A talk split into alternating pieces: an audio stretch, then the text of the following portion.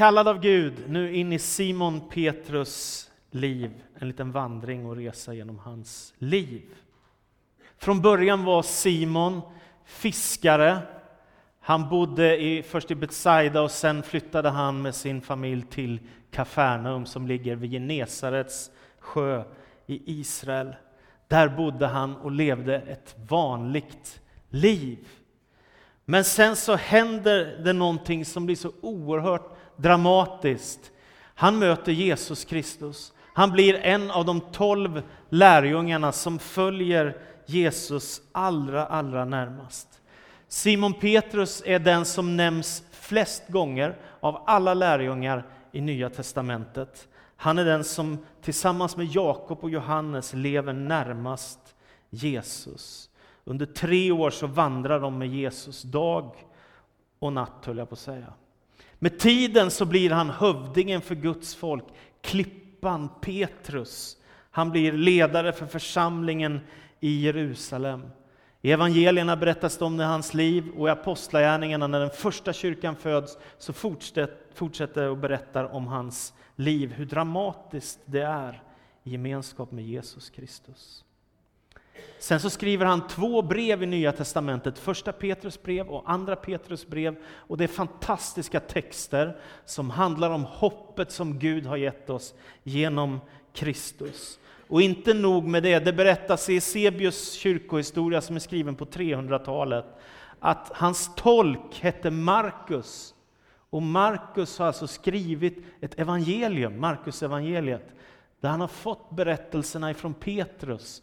Och Markus är den som skriver först av alla. Redan någon gång på 50-talet efter Kristus så skriver Markus ner det här evangeliet och sen kommer Matteus, Lukas och Johannes senare efter det. Så Petrus och Markus, de är först med att skildra evangeliet och Markus evangeliet berättar också tydligast om Petrus, alla hans segrar och alla hans misstag. Så han har gjort ett oerhört starkt avtryck. De här texterna läses ju faktiskt i hela världen. Och nu ska vi börja från början i Johannes evangeliets första kapitel från vers 35 till 45. Johannes 1 och 35 till 45 om du vill hänga med. Nästa dag stod Johannes där igen med två av sina lärjungar. När Jesus kom gående såg Johannes på honom och sa, där är Guds lamm.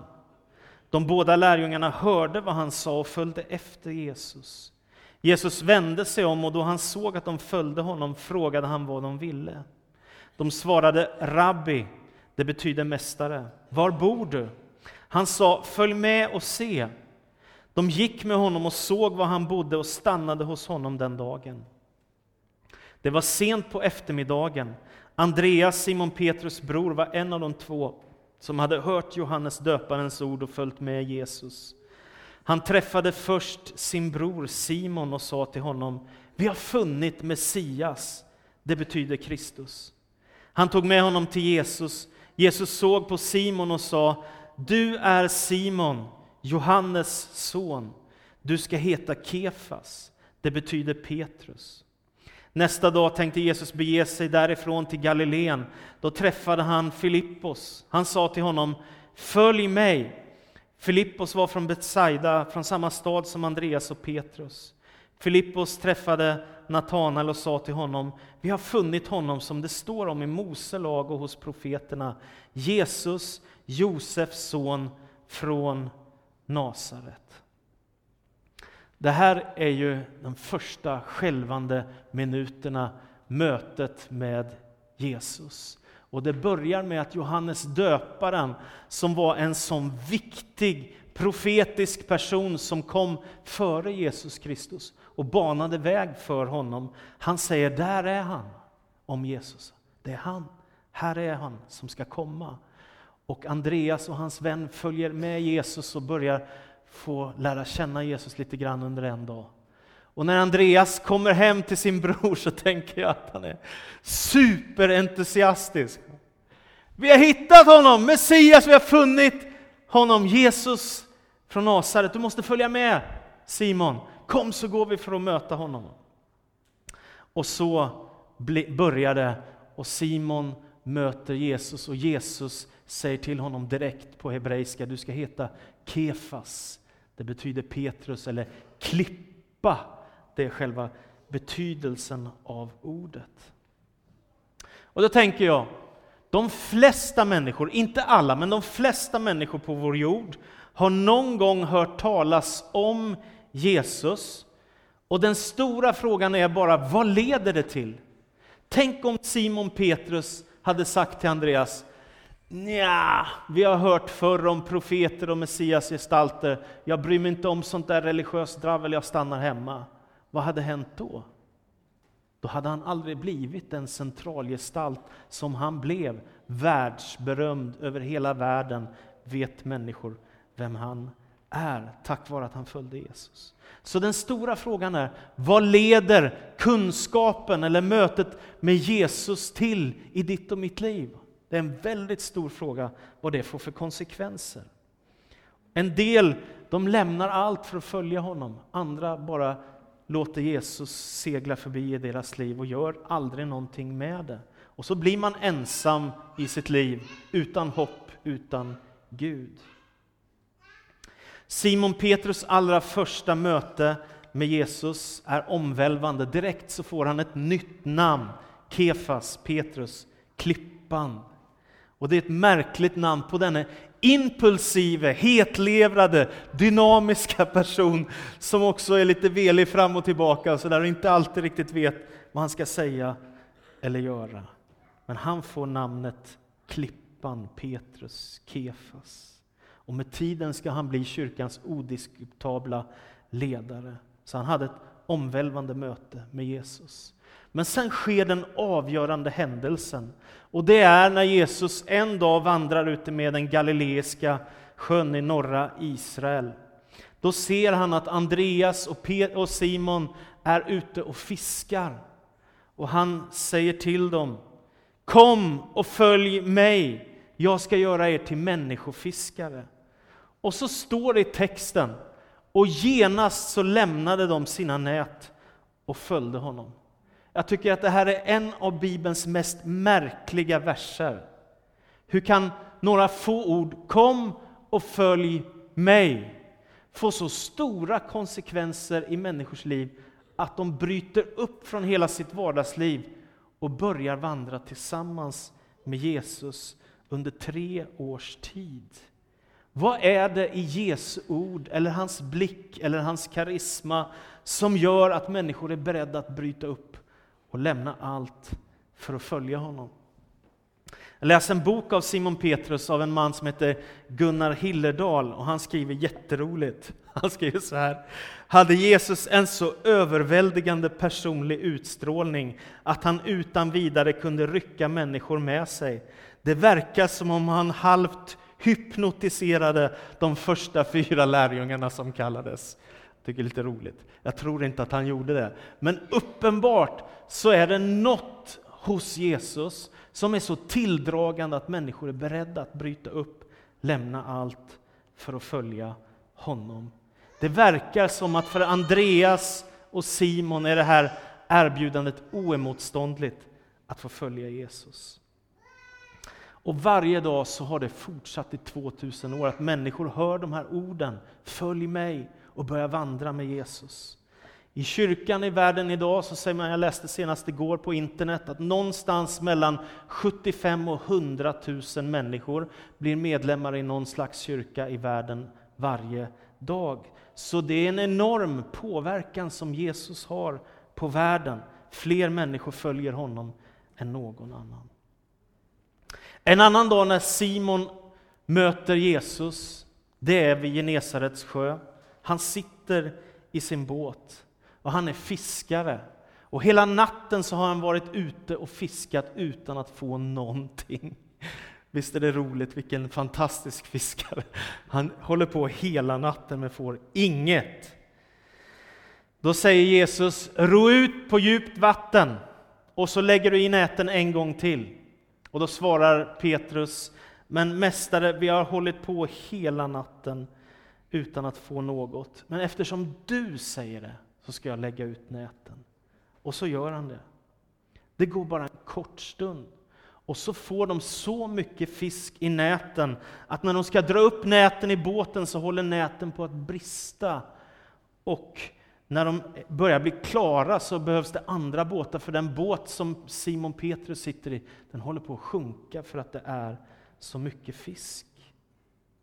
Då skulle man kunna tänka sig att Simon Petrus bara, ja, jippi. Men han har fullständigt motsatt reaktion. Han börjar ana vem Jesus är. Så han kastar sig ner vid Jesu knän och så säger han, lämna mig Herre, jag är en syndare. Det där ögonblicket kan drabba människor. När man läser om vem Jesus är, vad han gjorde, att han är syndfri, ren och helig och att han gör under, så kan man drabbas av det här, jag är ovärdig, oren, jag är en syndare. Jag kan inte ha kontakt med hans helighet. Lämna mig Herre! Det kan bli reaktionen. Men Jesus, han är barmhärtig. Han säger till Petrus, var inte rädd. Från denna stund ska du fånga människor. Ja, det är väl härligt. Det betyder inte att man ska springa runt och ta tag i människor och hålla fast dem. Utan det betyder helt enkelt att man ska ge evangeliet till människor om frälsning, om hopp och nytt liv.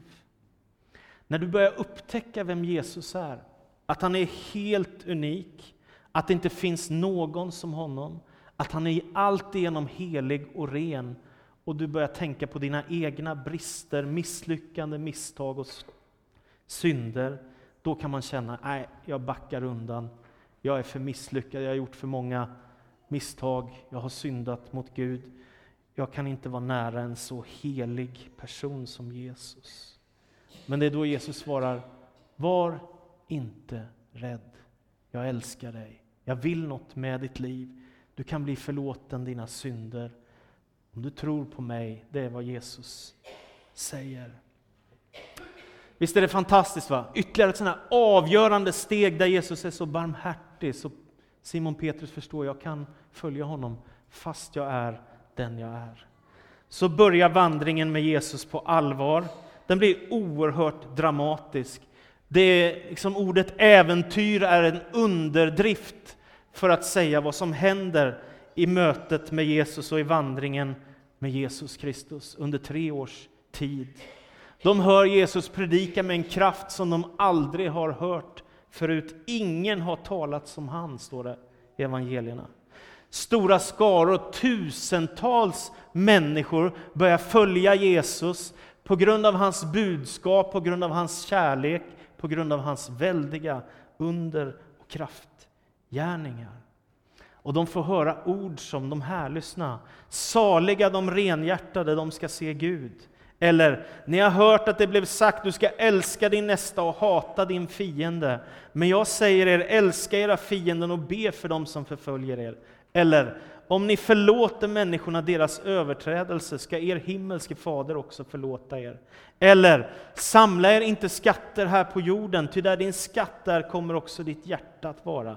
Eller, sök först Guds rike och hans rättfärdighet, så ska ni få allt det andra också. Eller, gör er därför inga bekymmer för morgondagen, den får själv bära sina bekymmer. Var dag har nog av sin egen plåga. Eller, döm inte så blir ni inte dömda. Eller, be så ska ni få, sök så ska ni finna. Eller, så älskade Gud världen att han gav den sin enda son för att var och en som tror på honom inte ska gå under utan ha evigt liv. Typ sådana saker, säger Jesus. Det är ganska omvälvande för livet, eller hur? Om man tar in de här orden, tar dem på allvar, så händer något med ens hjärta. Inte bara det, det är också hans oerhörda gärningar. När man läser igenom evangelierna kan man se att han botar först en man med spetälska. Sen botar han en officers tjänare som ligger förlamad och gör honom frisk. Han botar Petrus svärmor ifrån feber. Han driver ut onda andar, han stillar en storm, han går på vatten, han botar en lam man i Kafarnaum, han uppväcker en synagogesföreståndares dotter från de döda, han botar en kvinna som har lidit av blödningar i tolv år, han ger syn åt blinda tiggare och gör gott mot alla han möter. Det är väl inte så konstigt att de ville följa Jesus och lämna allt. Vandringen med Jesus överträffar allt de någonsin har varit med om tidigare. Och då tänker jag, att höra berättelserna om Jesus, frågan är vad det gör med oss. I alla generationer, i 2000 år, har de som fått höra evangeliet behövt ställa sig frågan, vad gör jag med det här? Jag kommer ihåg min lärare som jag hade på Örebro Missionsskola, han hette Per Axel Sverker, och vi hade honom i kristen troslära, eller dogmatik för att använda ett fint ord. Han sa så här, jag kommer aldrig glömma det. Inför Jesu kors så kan man inte säga jaså. Man måste säga ja eller nej. Och så är det. Så är det med hela evangeliet. Det går inte att säga jaså, utan det är ja, jag följer dig Jesus, eller nej, jag vandrar själv. Den korta sträcka jag har, och that's it. Det är frågan vad jag gör med Jesus. Fler människor än någon annan gestalt i världshistorien följer Jesus Kristus idag. Var tredje människa på jorden är medlem i någon slags kyrka. Det betyder att miljarder människor tillhör någon kyrka i världen. Frågan är, vad gör evangeliet, budskapet med Jesus, om Jesus, med dig? Det går inte att säga jaså, man kan bara säga ja eller nej. Så kommer den stora dagen i Caesarea, Caesarea Filippi i norra Israel. Jesus frågar lärjungarna, vem säger människorna att jag är? Det kommer flera olika förslag. Jeremia, Elia, någon profet. Det finns massa olika förslag på vem Jesus skulle kunna vara. Då kommer den avgörande frågan. Jesus säger, vem säger ni att jag är? Och då har Simon Petrus alla upplevelser, erfarenheter av hans gudomliga kraft att hela, av hans starka undervisning om kärlek och omvändelse. Då har det sjunkit in. Så han svarar, du är Messias, den levande Gudens son. Det här är oerhört dramatiska ord, två nyckelord som avgör helt Jesu identitet. Det första är att han säger, du är Messias. Och Messias, det är ett ord som liksom hämtar sitt ursprung i Gamla Testamentet, där profeter i århundraden har förutsagt, en dag ska det komma en gestalt, en Messias. Han ska födas i Betlehem. Det var våra synder han bar, och massa profetier finns om att en dag ska en Messias gestalt dyka upp. Det betyder alltså att Simon Petrus säger, du är den som Gud har utlovat i århundraden och som profeterna har talat om i det gamla testamentet. Det är en ganska stark bekräftelse. Men inte bara det, utan Jesus, eller Simon Petrus säger också, du är den levande Gudens son. Det är oerhört starka ord för oss som har varit kristna länge. Ja, vadå? Det är väl självklart Jesus, Guds son. Ja, men om du tänker på vad det innebär, så är det oerhört starkt. Många judar skulle ta det som hädelse. Vi tror på en enda Gud. Hör Israel, Herren vår Gud, Herren är en. Gud har väl ingen son heller? Han är ju en Gud som har skapat himmel och jord, that's it. Jo, men det är detta evangeliet säger, att Gud sänder sin son ifrån himmelen. Och han och Fadern är ett, står det i evangelierna. Det betyder att det finns ingen som Jesus. Han är Messias, den som Fadern har utlovat genom profeterna, och han är Guds son. Och det vill säga, han står över allt som alla tidigare har sagt. Här finns århundraden av profeter som har talat alla människor av kött och blod, lyckade och misslyckade, syndare och skapade till Guds avbild. Allt det här blandade profeter. De kan höra Herrens ord och tala Herrens ord, men de är bara människor. Och så kommer Jesus, och helt plötsligt så är det liksom någon som är på en annan nivå. Den levande Gudens son. vandrar i världen. Förstår du hur hoppfullt det är? Han som är ett med Gud, Fadern, som känner Fadern och som kommer för att frälsa oss. Han vandrar nu i världen. Du är Messias, den levande Gudens son. Det förändrar allting. Vem Jesus verkligen är. Det betyder att alla andra religionsstiftare, alla andra som har stora filosofiska anspråk och anspråk på sanning är utmanade av hans gudomlighet. Om han är Guds son, då är det så klart också att det han säger är sanning. Nils Bolander, en av de begåvade ledarna, prästerna i Svenska kyrkan på 1900-talet, han skrev så här en gång. Kristus, en i raden av mänsklighetens eviga följeslagare. Ett av namnen på en strålande elitlista. Sokrates, Buddha, Jesus, Mohammed, Augustinus, Franciscus. En staty att ställa upp i ett Pantheon tillsammans med andra heroes. Ja, och ändå nej. Det räcker inte. Jesus vill inte veta av denna placering, detta inrangerande i ett lysande följe. Han är den ojämförlige och enastående. Ja, det är det evangelierna säger, det finns ingen som Jesus. Den upptäckten är det väldigt många som har gjort genom historien. De har börjat förstå vem Jesus är. De har börjat läsa Bibeln, de har börjat be till Gud, de har börjat gå regelbundet för att fira gudstjänst. De har tagit hans ord på allvar, tagit emot honom för att bli döpta i vatten och bli hans lärjungar. För att börja leva med honom på allvar. Och det är också utmaningen till oss idag. Jag var 18 år gammal när jag blev så djupt berörd av Jesus att han fick tag på mitt hjärta. Och jag har inte ångrat det en dag, att han fick mitt hjärta, att han tog hand om mig. Det är min stora lycka. En tid senare får Petrus en verklig bekräftelse av sin bekännelse som Mattias var inne på här i inledningen av vår gudstjänst. En dag tar Jesus med sig bara några få av lärjungarna.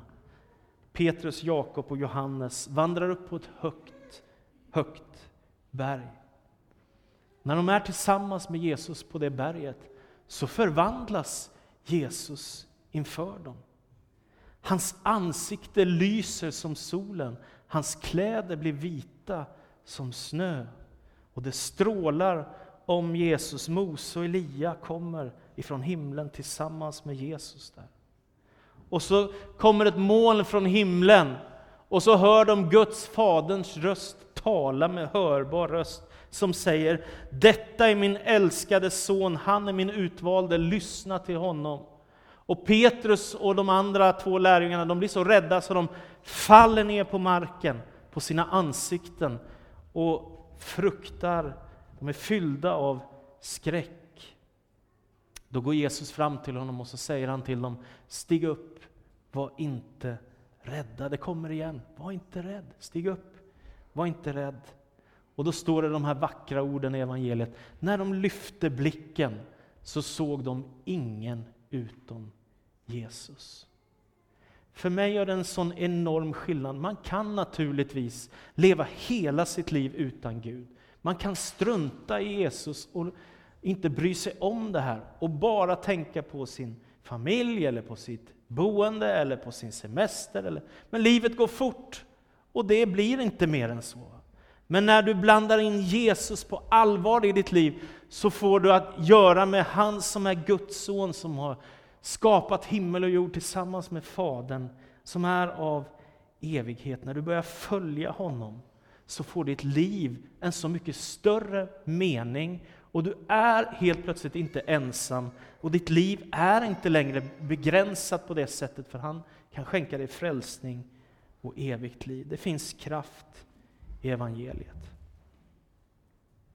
Så händer det som lärjungarna inte alls är beredda på. Men det ingår i Guds frälsningsplan. När Jesus är tillsammans med sina lärjungar på Olivberget precis utanför Getsemane så förutsäger han det märkliga att alla de tolv lärjungarna ska komma på fall. Ja, det blir för mycket för Petrus. Så Simon Petrus han säger så här. Även om alla andra kommer på fall, så ska jag inte, jag ska aldrig komma på fall. Då svarar Jesus honom profetiskt, sannerligen i natt innan tuppen gal ska du ha förnekat mig tre gånger. Han förutsäger det som ska hända. Så vandrar de in i Getsemane, ni vet Olivberget ligger på en kulle precis utanför Getsemane och Jerusalem. Så Jerusalem där och Olivberget däremellan är Getsemane. Så är de i Getsemane trädgård där de här stora, tjocka, gamla, mångtusenåriga träden finns. Och Jesus vet vad som ligger framför av hans korsdöd och lidande för mänsklighetens frälsning. Så Jesus, han som hela tiden säger var inte rädd, min frid ger jag er och sådana saker. Han drabbas av djup ångest, oerhört djup ångest. Och det står till och med att han svettas blod. Och jag hörde för några år sedan att det var diskussion bland läkare om det är möjligt eller inte. Och så kom man fram till ja men det kan faktiskt vara möjligt att svetta, svettas blod om man är riktigt, riktigt pressad och fylld av ångest. Då kommer det soldater för att ta Jesus till fånga. Simon Petrus är ivrig att ta fram sitt svärd. Men Jesus säger till honom, stoppa undan svärdet. Skaran av soldater leds av en av hans tidigare lärjungar, Judas Iskariot. Judas Iskariot går fram till Jesus i ett semane trädgård och kysser honom på kinden. Och Jesus säger, Judas, förråder du Människosonen med en kyss? Och så kommer soldaterna och så tar de Jesus till fånga och lärjungarna skingras och springer därifrån. Men Johannes och Simon Petrus de följer efter Jesus bort mot översteprästens eh, hus där han fanns. Och Petrus sitter ute på gården i närheten av där Jesus är. Och då händer det där som han inte är förberedd på. En enkel tjänsteflicka kommer fram och säger Du var också tillsammans med Jesus, eller hur? Visst var du en av dem som har följt honom? Han förnekade Petrus. Och så säger han, jag förstår inte vad du talar om. Och så går han därifrån och så kommer han till porten, det överste prästens gård. Då är det en annan kvinna som ser honom och känner igen honom. Hon säger till de som står runt omkring, han där, han var tillsammans med Jesus från Nasaret. Petrus förnekar det och svär på det, att han inte känner den mannen. Och lite senare så kommer det fram några till Petrus och säger, visst är du också en av dem? Det hörs ju på talet att du, liksom, det är galileisk dialekt. Då svär han och bedyrar, jag känner inte den mannen. Och precis när han har sagt det, så gal en tupp och han har tre gånger förnekat sin mästare Jesus Kristus. Då står det att Jesus vänder sin blick och ser på Simon Petrus. Och jag kan bara fundera på, var det tröstande eller var det totalt förkrossande? Att se Jesus i ögonen när man har förnekat honom tre gånger. Det står att Simon Petrus han springer därifrån och han gråter bittert över sitt stora misstag. Han som skulle bli Simon Petrus, klippan, är nu Simon svikaren, den som har förnekat. Då tänker jag så här, alla misslyckas vi ibland. Vi syndar mot Gud, vi fattar beslut som inte är bra, vi gör saker som vi ångrar, kanske till och med en förnekelse av Jesus. Det fantastiska är att det inte behöver vara slutet, eftersom hela evangeliet handlar om nåd, frälsning och upprättelse. Börja om än en gång i mitt liv. Det finns förlåtelse, det finns nåd, det finns barmhärtighet. Du behöver inte bära med dig dina misslyckanden, för det finns en som har burit dem på korset för din skull. Så förs Jesus bort. Ja, han blir fastspikad på ett kors mellan två rövare. Visst är det märkligt? Va? På varsin sida om Jesus hänger två brottslingar och han som är syndfri och helt igenom ren och helig hänger mitt emellan dem på långfredagen i Jerusalem omkring år 30. Dagen passerar, Jesus dör, han blir nedtagen från korset, han blir begravd och utanför hans grav ställer man en stor sten för att ingen ska kunna flytta på den. Så går långfredagen, påskafton passerar, ingenting händer, Jesus är död. Lärjungarna är förtvivlade, hoppet är ute. Men sen på påskdagens morgon, tidigt i gryningen, när Maria från Magdala, Salome och Maria, Jakobs mor, är på väg mot Jesu grav och kommer fram till graven i Jerusalem så ser de att stenen är bortrullad. Den är inte kvar. Den ligger på sidan om graven. De går in i graven och ser bindlarna från Jesu kropp. Och när de är i graven så ser de en man en, som en ängel med vita skinande kläder. Han säger, var inte förskräckta, ni söker efter Jesus från Nasaret, han som blev korsfäst. Han har uppstått, han är inte här. Och så står det i 1917 års översättning, har den allra bästa formuleringen. Hälsa särskilt Petrus. så fantastiskt. Han som har misslyckats. Och så en ängel från Gud säger hälsa särskilt Petrus.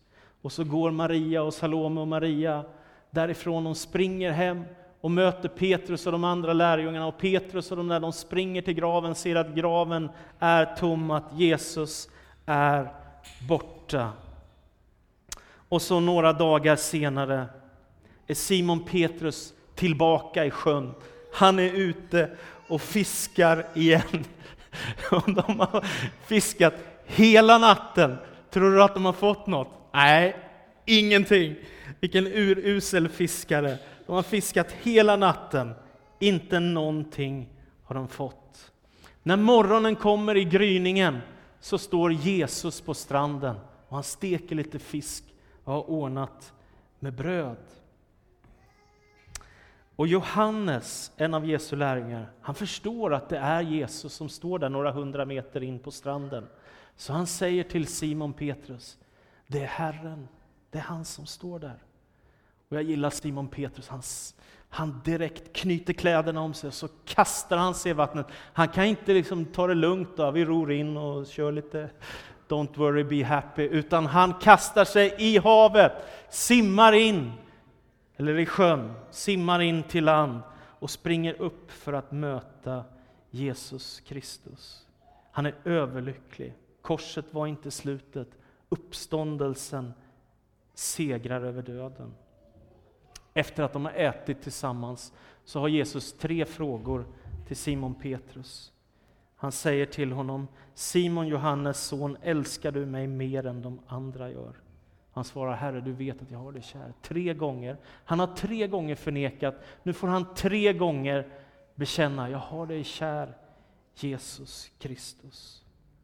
Och då tänker jag så här att just när det ser ut som att allt är kört i ditt liv, att det inte finns någon framtid, ingen väg framåt, inga möjligheter, allt är kört, allt är nattsvart och mörkt. Då kan Gud öppna en ny dörr. Och han som var Simon svikaren, han blir Simon Petrus, klippan. Och så hör han, efter att Jesus har sagt faktiskt till honom, du ska bli martyr för min skull. Så säger han, följ mig. 50 dagar senare, nu går jag mot slutet, efter korsfästelsen, uppståndelsen och att Kristus har farit åter till himlen och gett dem löftet om den helige Ande, så är pingstdagen inne och i tio dagar har Simon Petrus och lärjungarna bett till Gud att de ska få bli döpta i den helige Ande och fyllda med Guds kraft så att de kan predika evangeliet utöver världen som Jesus har sagt. Och så står det när pingstdagen är inne och de har bett i tio dagar, då kommer som en stormvind från himlen och tungor som av eld kommer över dem. Och Guds kraft, den heliga Andes kraft, fyller lärjungarna. Och folket undrar vad är det som händer här? Det är tusentals judar som är samlade till pingsthögtid i Jerusalem. Så de börjar undra, är det någon fylleri och någon fest här, eller vad är det ni håller på med? Och då händer det. Simon Petrus, förnekaren, kliver fram inför kanske 5-10 000 människor. Och så predikar han och säger, hela Israel ska veta detta, att denne Jesus som ni är korsfäst, honom har Gud gjort till Messias och Herre. Och då frågar han, vad ska vi göra? Och då svarar Petrus, omvänd er och låt er alla döpas i Jesu Kristi namn, så ska ni få den helige Ande som gåva. Och vad händer då? Och de får döpa 3000 människor i Jerusalem på en enda dag. Så föds urkyrkan och Simon Petrus, svikaren, han blir nu klippan som får leda en församling i Jerusalem med flera tusen människor. Och saker som har hänt i Jesu liv börjar nu hända i Simon Petrus liv. Han predikar med kraft som Jesus gjorde. Han ber för sjuka som blir friska och han ställs till svars inför Stora rådet i Jerusalem där han bara några månader tidigare har liksom varit och förnekat Jesus. Nu ställs han inför hela ledarskapet i Jerusalem som har den stora makten. Och när de frågar honom varför han har gjort det han har gjort i Jesu namn, så svarar han, hos ingen annan finns frälsningen och ingenstans under himlen finns något annat namn som kan rädda oss. Det är hyggligt frimodigt va? inför hela ledarskapet i Jerusalem. I tio år ungefär så leder sedan Simon Petrus församlingen i Jerusalem. Sedan är det Jesu bror Jakob den rättfärdige, kallades han, som tar över ledarskapet i Jerusalem. Och det blir mycket förföljelse och lärjungarna och församlingen i Jerusalem skingras. Sen blir Simon Petrus missionär. Han reser från plats till plats från Lydda till Joppe, till Caesarea, till Antiochia, troligtvis till Korint, säkert också till Pontius, Betynien, Kappadokien och Galatien, dit han skriver när han skriver sina brev som han gör i Nya Testamentet. Dagens Turkiet, Grekland och så vidare. Till slut, när han i 20 år har verkat som missionär, så kommer han till Rom och han möter den växande församlingen där. Och det finns en tradition som inte står i Nya Testamentet som säger att han blir ledare i församlingen i Rom också. Om det är sant eller inte vet jag inte. Men det finns en tradition om det. Men när det har gått en tid så drar en väldig brand fram i Rom. En oerhört kraftig brand, så mycket av husen i Rom brinner ner och kejsar Nero som en djupt ogudaktig man, han ger de kristna skulden för den här branden.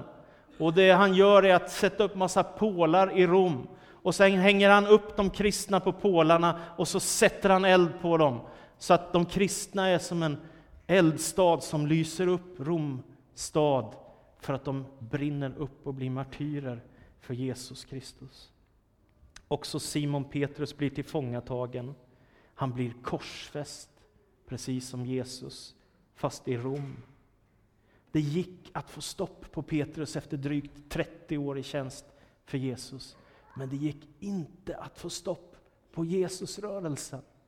I nästan hela romarriket hade nu evangeliet om Jesus spridit sig. I Afrika, delar av Asien och södra Europa. Dit har evangeliet gått ut, precis som Jesus har sagt. Och till sist 2013 när jag var i Rom, stod vid platsen när man tror att det är Simon Petrus grav, så tänkte jag på vad han har skrivit. Välsignad är vår Herre Jesu Kristi Gud och Fader. I sin stora barmhärtighet har han fött oss på nytt till ett levande hopp genom Jesu Kristi uppståndelse från de döda till ett arv som inte kan förstöras, fläckas eller vissna och som väntar på oss i himlen. Det är evangeliets hoppfulla budskap. Med Jesus Kristus är det aldrig kört. Han som kallade på Simon, han kallar också på dig. Och det finns två ord som kan göra all skillnad i världen om du tar dem på allvar. det är när Jesus säger Följ mig.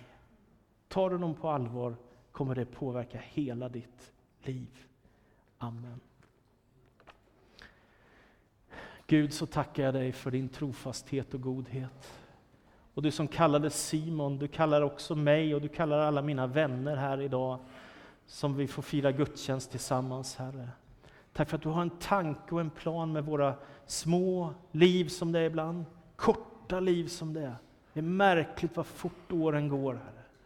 Men du har gett oss ett evighetsperspektiv på livet.